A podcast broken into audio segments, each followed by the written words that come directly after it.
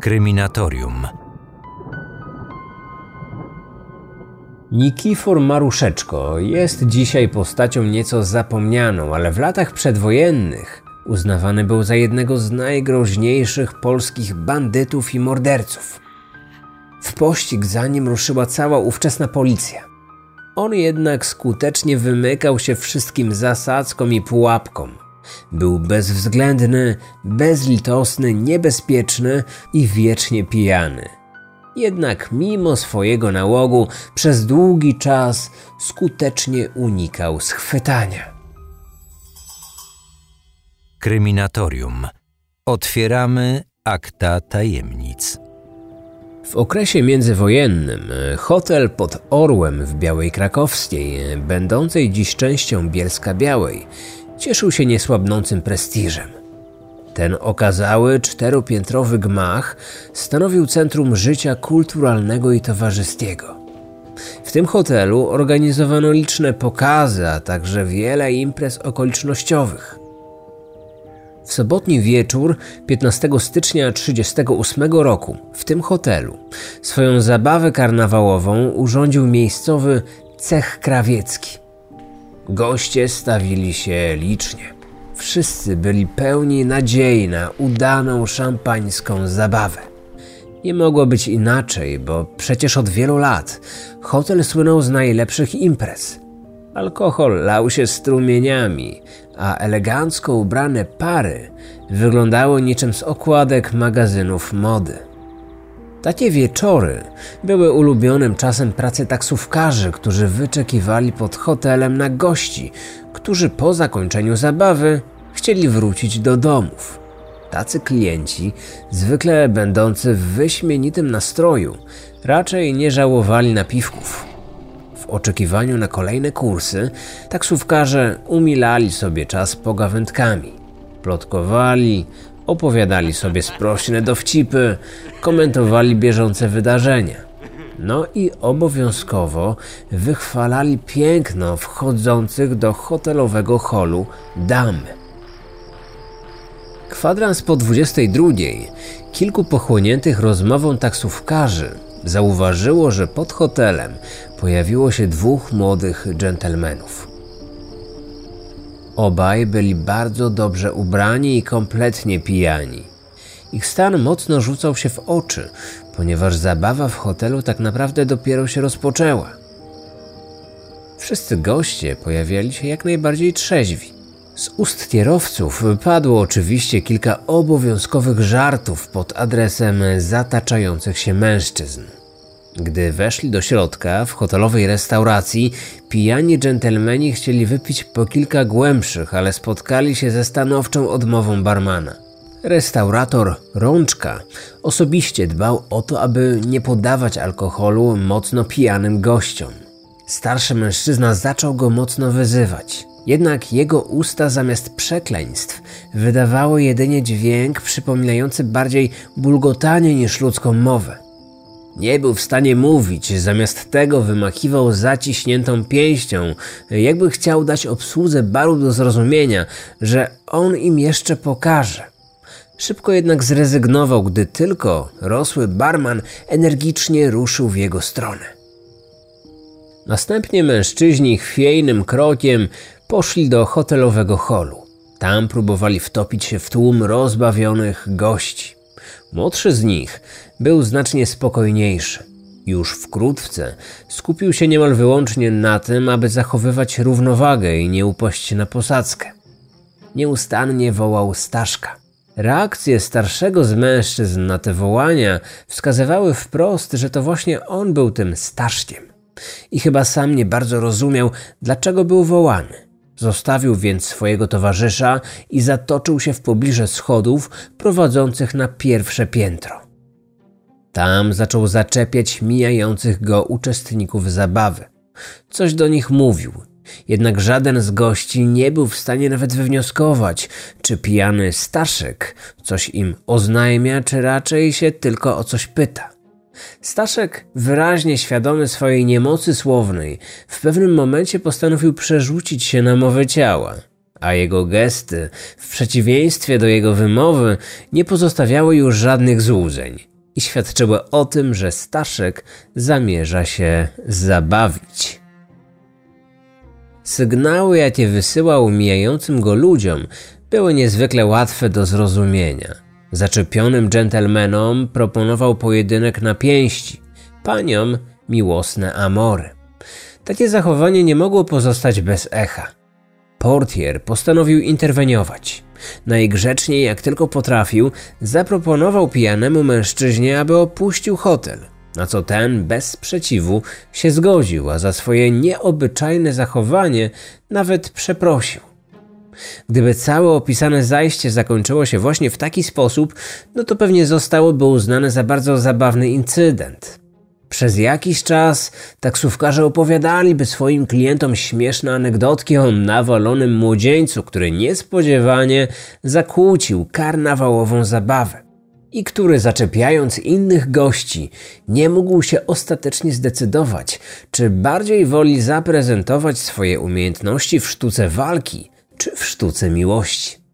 Tak się jednak nie stało, a dalsze wydarzenia wkrótce uzmysłowiły wszystkim, że pijany, nieproszony gość nie był zwykłym, pijanym, nieproszonym gościem.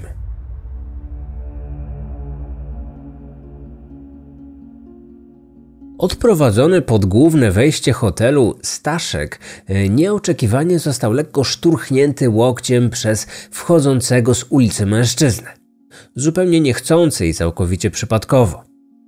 Jednak Staszek potraktował całe zajście bardzo, bardzo poważnie, niemal jako zamach na jego życie.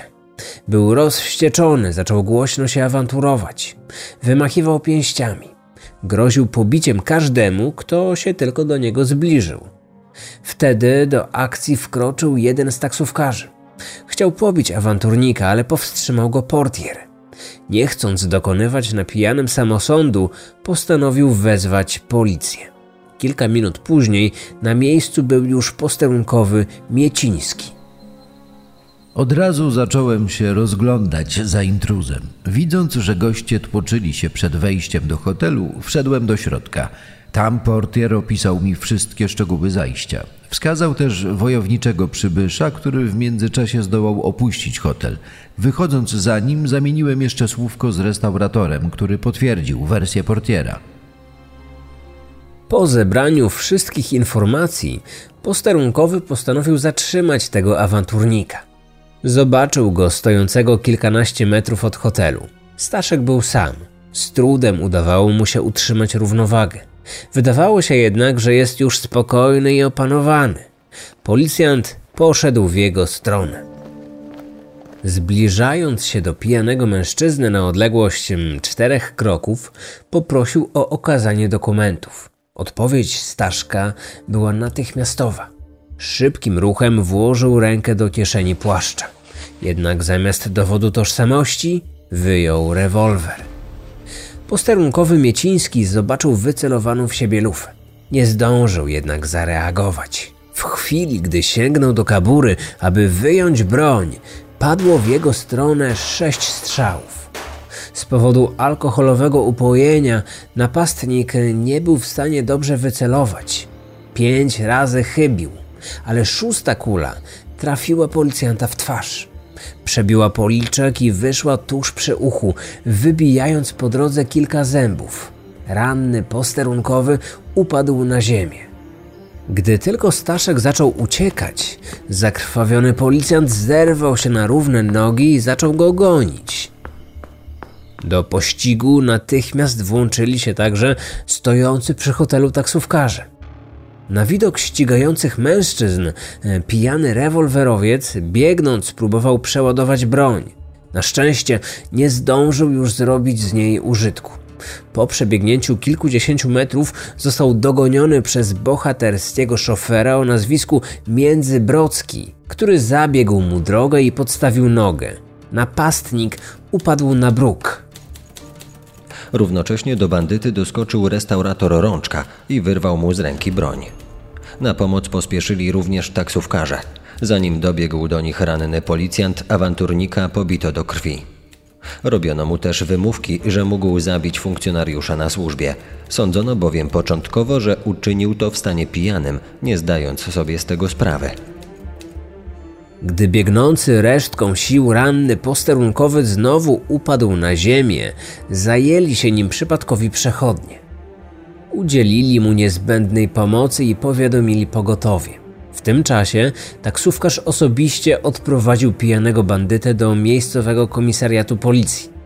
Dumni z siebie, po drodze kilka razy wymierzyli schwytanemu mężczyźnie społeczną sprawiedliwość za pomocą pięści.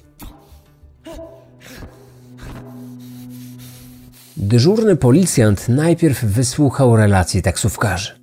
Później zapytał pijanego i mocno pobitego mężczyznę, jak się nazywa. Aresztowany przedstawił się z nieukrywaną dumą w głosie. Jestem Florian Nikifor Maruszeczko. Po tych słowach na jego twarzy pojawił się szeroki uśmiech. Słysząc taką odpowiedź, policjant zbladł. Nie mógł uwierzyć, że w jego ręce trafił właśnie człowiek, którego od ponad pół roku szukała cała polska policja. Choć dziś nazwisko Maruszeczko wielu osobom kompletnie nic nie mówi, no to przed wojną w Polsce znali go wszyscy, ale tylko niewielu wiedziało jak on wygląda. O jego bandyckich wyczynach krążyły prawdziwe legendy. Donosiła o tym ówczesna prasa, a dziennikarze odmieniali jego nazwisko przez wszystkie przypadki. W drugiej połowie 1937 roku stał się najsłynniejszym, a jednocześnie najgroźniejszym zbrodniarzem II Rzeczypospolitej. A jeszcze długo po wojnie niektóre śląskie matki straszyły swoje dzieci, że jeśli nie będą grzeczne, to skończą jak ten zbój Maruszeczko. Warto więc przypomnieć, kim był i co robił ten słynny bandyta, zanim postanowił wziąć udział w karnawałowej zabawie, która ostatecznie zakończyła się jego aresztowaniem. Nikifor Maruszeczko urodził się 16 marca 1912 roku w Korzenicy w powiecie jarosławskim na Podkarpaciu. Nikifor był nieślubnym synem Katarzyny Maruszeczko i Mikołaja Sikory. Para pobrała się dopiero kilka lat później. Oboje byli miejscowymi rolnikami i wiodło im się całkiem dobrze. Matka dbała o syna, posyłała do szkoły i starała się wychować na pracowitego człowieka. Początkowo Nikifor był dobrym dzieckiem. Gdy tylko mógł, pomagał rodzicom w pracach polowych. Jednak na początku lat 30. XX wieku sytuacja materialna rodziny zaczęła się gwałtownie pogarszać. Czasie krajowego kryzysu na gospodarstwie liczyła się każda para rąk do pracy. Jedenastoletni Maruszeczko musiał zrezygnować z chodzenia do szkoły. Zresztą i tak niewiele mu ona dała, bo kończąc swoją przygodę z edukacją, nadal nie umiał ani czytać, ani pisać. W pole wychodziło świcie, do chałupy wracał późnym wieczorem i szybko stwierdził, że takie życie mu nie odpowiada. Pewnego dnia zbuntował się przeciwko ojcu. Zapowiedział, że nie będzie tak ciężko pracować. Surowy ojciec nie zamierzał trzymać w domu takiego darmozjada. Postawił więc synowi ultimatum. Albo praca na równi ze wszystkimi członkami rodziny, albo wyprowadzka z domu. Nikifor bez namysłu wybrał tę drugą opcję. Kilka dni później wyjechał z rodzinnej wsi, by szukać szczęścia w mieście. Zamieszkał w Jarosławiu, gdzie pod swoje skrzydła wziął go jeden z krewnych matki. Człowiek ten o wychowaniu dzieci najwyraźniej wiedział niewiele, bo od samego początku jedenastolatek dostał od niego zielone światło na samodzielne dokonywanie życiowych wyborów. Po namowie nowo poznanych kolegów postanowił zostać ulicznym grajkiem. Choć kilku śpiewających pod oknami nastolatków wzbudzało spore zainteresowanie mieszkańców, zarobku mieli z tego niewiele. Nieco lepsze pieniądze dawało sprzedawanie gazet, ale i tak nie wystarczały one nawet na podstawowe potrzeby. Szukając szczęścia, Maruszeczko coraz częściej zaczął zmieniać miejsce zamieszkania. Po krótkim pobycie w Przemyślu zameldował się w Lwowie. Tam jednak nie mógł znaleźć pracy. Aby zaspokoić głód, zaczął kraść. Najpierw jedzenie na miejskim targowisku, później portfele ludzi. Musiał przy tym zdradzać pewien talent, bo szybko wpadł w oko grupie miejscowych e, rzezimieszków. Młodociani przestępcy zaproponowali mu przyłączenie się do ich gangu oraz sprawiedliwy podział łupów. Do swojego rodzinnego domu wrócił tylko raz na pogrzeb matki w 1927 roku. Spędził wtedy we wsi kilka tygodni, a następnie wyjechał do Krakowa. Tam szybko nawiązał liczne znajomości z przestępczym półświadkiem. Na pewno pomógł mu złodziejski fach, który zdobył w Lwowie. Obracając się między podejrzanymi osobnikami, zaczął z nimi chodzić na złodziejskie wyprawy. Początkowo stawiany był wyłącznie na straży, później dostawał inne, bardziej zaszczytne funkcje. Gdy się już wprawił i usamodzielnił, zaczął pracować sam na siebie. Wkrótce wyspecjalizował się we włamaniach do prywatnych domów. Nie było zamka, którego nie otworzyłby za pomocą wytrychu. Kilka razy wpadł w ręce krakowskich stróżów prawa. Był jednak nieletni, więc policjanci początkowo puszczali go wolno. Na pożegnanie zazwyczaj słyszał od nich co najwyżej pouczenie i obietnicę, że następnym razem to się doigra. On nic sobie z tych słów nie robił, po czym, jak gdyby nigdy nic, wracał do swojego zawodu. Miarka przebrała się w roku 1929. Wtedy 17-letni Nikifor po raz pierwszy usłyszał wyrok. Dwa lata bezwzględnego więzienia. Odsiedział go w celi dla nieletnich krakowskiego więzienia. Wyszedł zgodnie z terminem, ale bogatszy o nową umiejętność. Podczas odsiadki nauczył się pisać i czytać. Po odzyskaniu wolności, dorosły już Maruszeczko nie zamierzał rezygnować ze złodziejskiego fachu. Uznał jednak, że Kraków nie jest dla niego bezpieczny. Podobnie jak każde inne miasto, w którym zatrzyma się na stałe. Postanowił więc, że od tej chwili nigdzie nie zagrzeje miejsca na dłużej. Tak zaczął się podróżniczy okres życia tego słynnego przedwojennego bandyty. Najpierw odwiedzał bliższe mu miasta Katowice, Cieszyn, Bielsko. Z czasem zaczął decydować się na coraz dalsze wypady. Głównie upodobał sobie województwo poznańskie oraz Pomorze. Polskę zwiedził wszerz i wzdłuż, okradając mieszkańców wszystkich większych miast z wyjątkiem Wilna. Tam nigdy nie zawitał. Swoje podróże odbywał zwykle w towarzystwie jakiegoś kolegi, ponieważ nie lubił samotnych wyjazdów.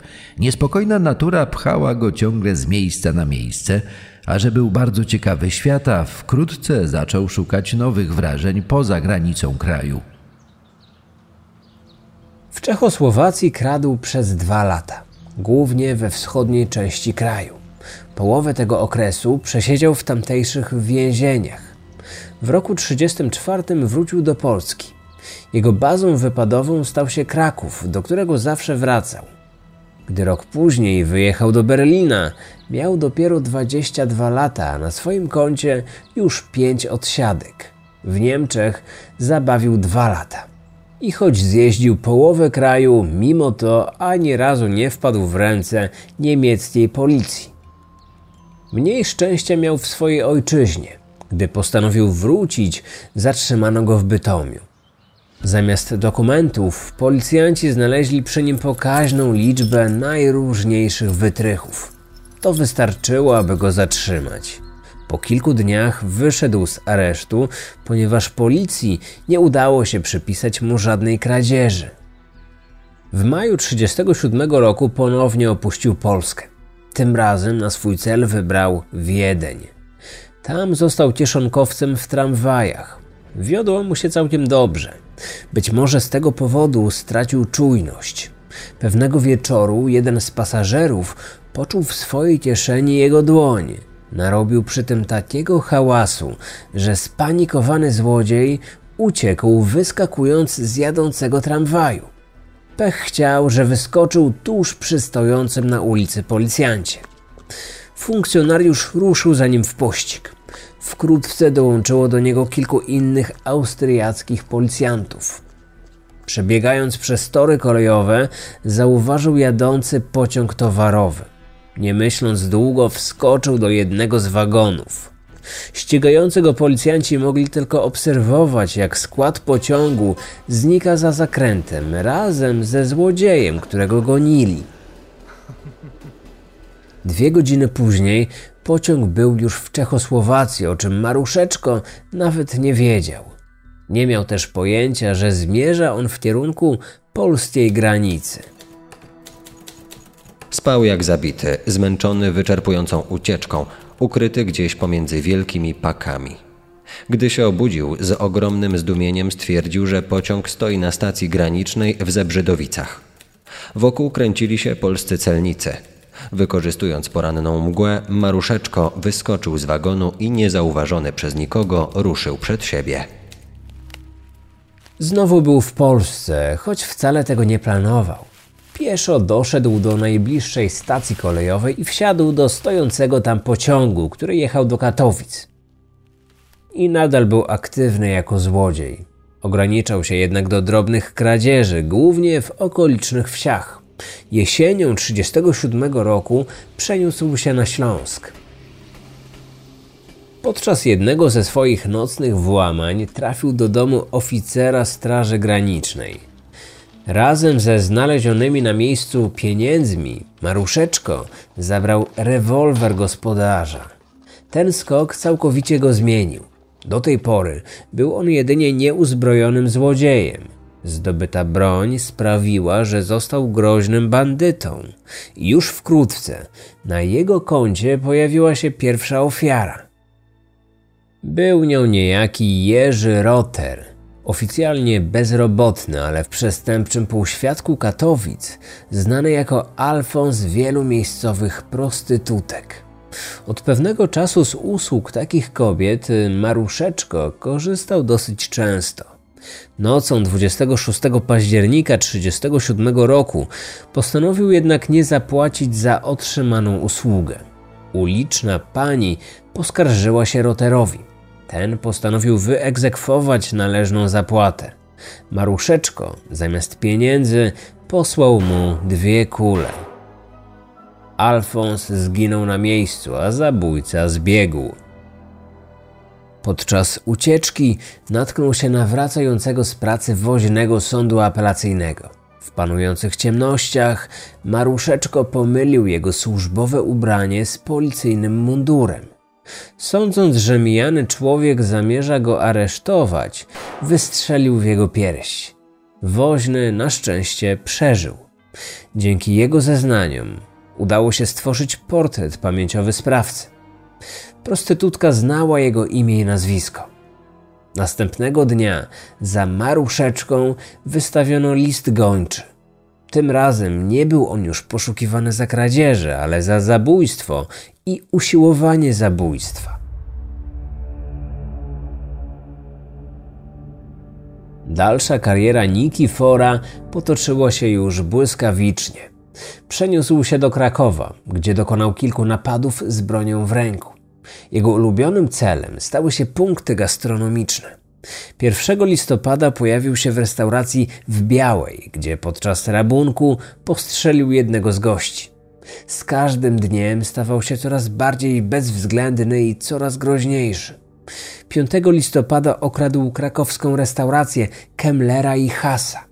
W pościg za nim ruszył obecny na miejscu policjant Władysław Jung.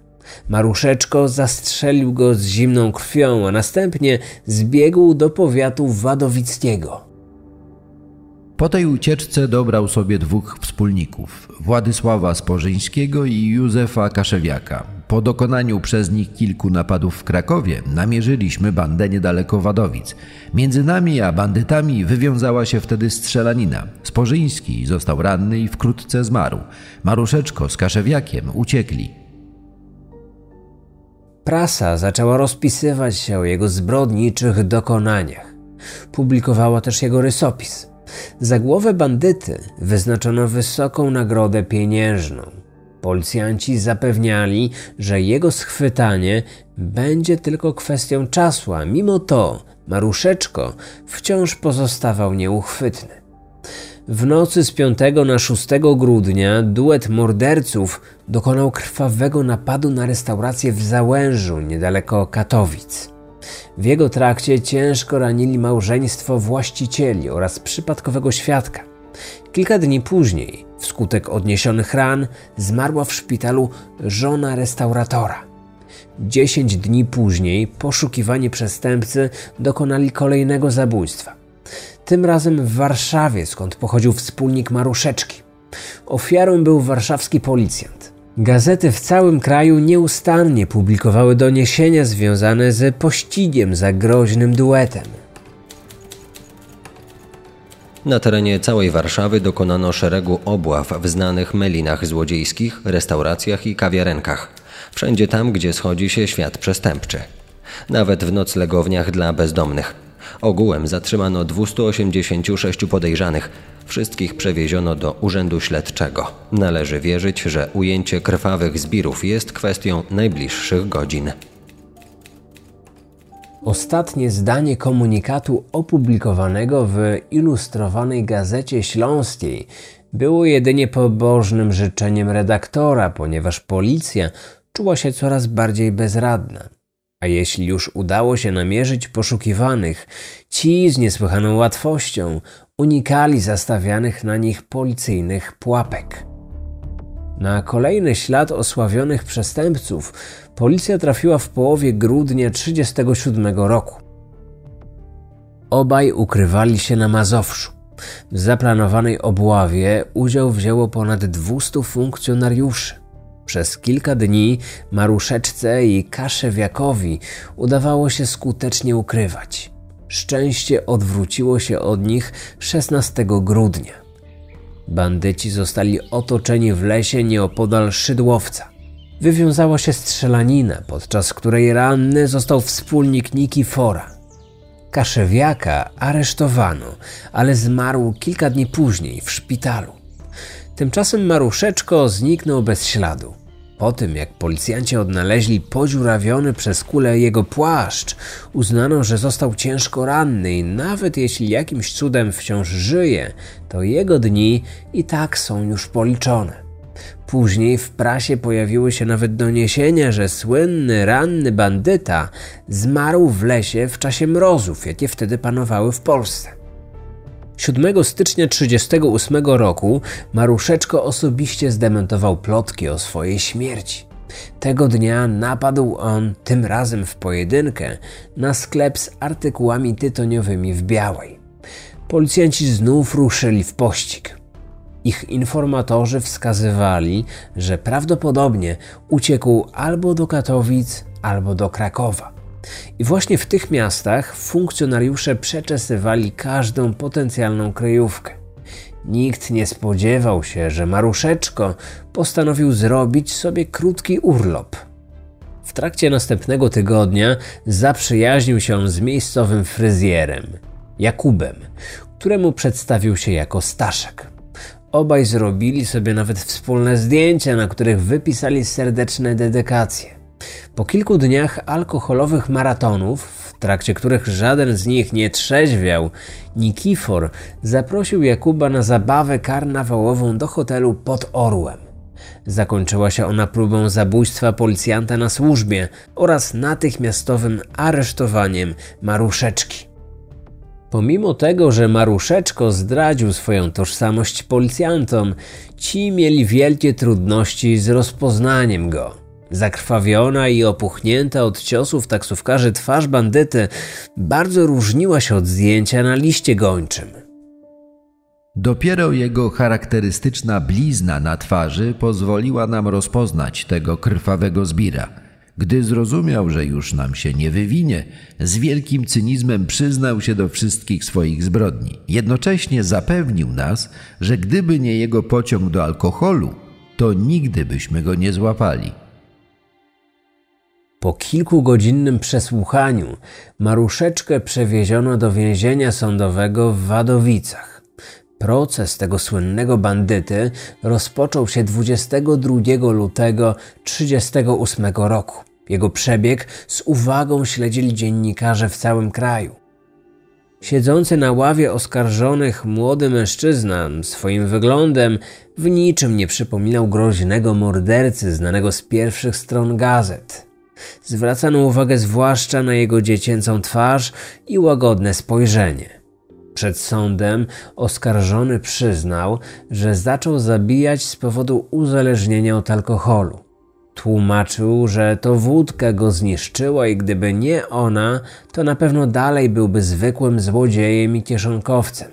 Zapytany, czy żałuje swoich ofiar, z rozbrajającą szczerością stwierdził, że tak, ale tylko tych cywilnych. Zabitych przez siebie policjantów nie żałował, bo jak przyznał, stale go tylko prześladowali. A zgodnie z jego własnymi słowami, z nim żartów nie było. Kto go gonił, ten szukał śmierci. Przez cały trwający proces Maruszeczko był niezwykle opanowany i rzeczowo odpowiadał na każde postawione mu pytanie.